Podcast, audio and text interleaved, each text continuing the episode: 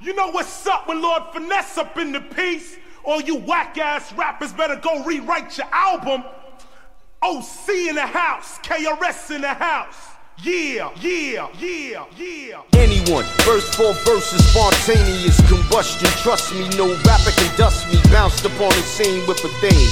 Word life, a cut fantasy out, cause I differ from a dream.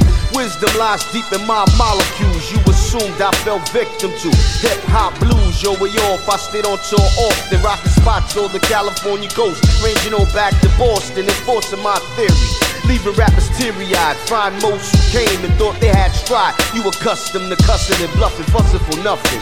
Half of y'all crumbs are just soft like muffins I bake. Masterpieces, sharper thesis. Y'all candy coated motherfuckers stink like feces. Needless to say, how these runners use yours.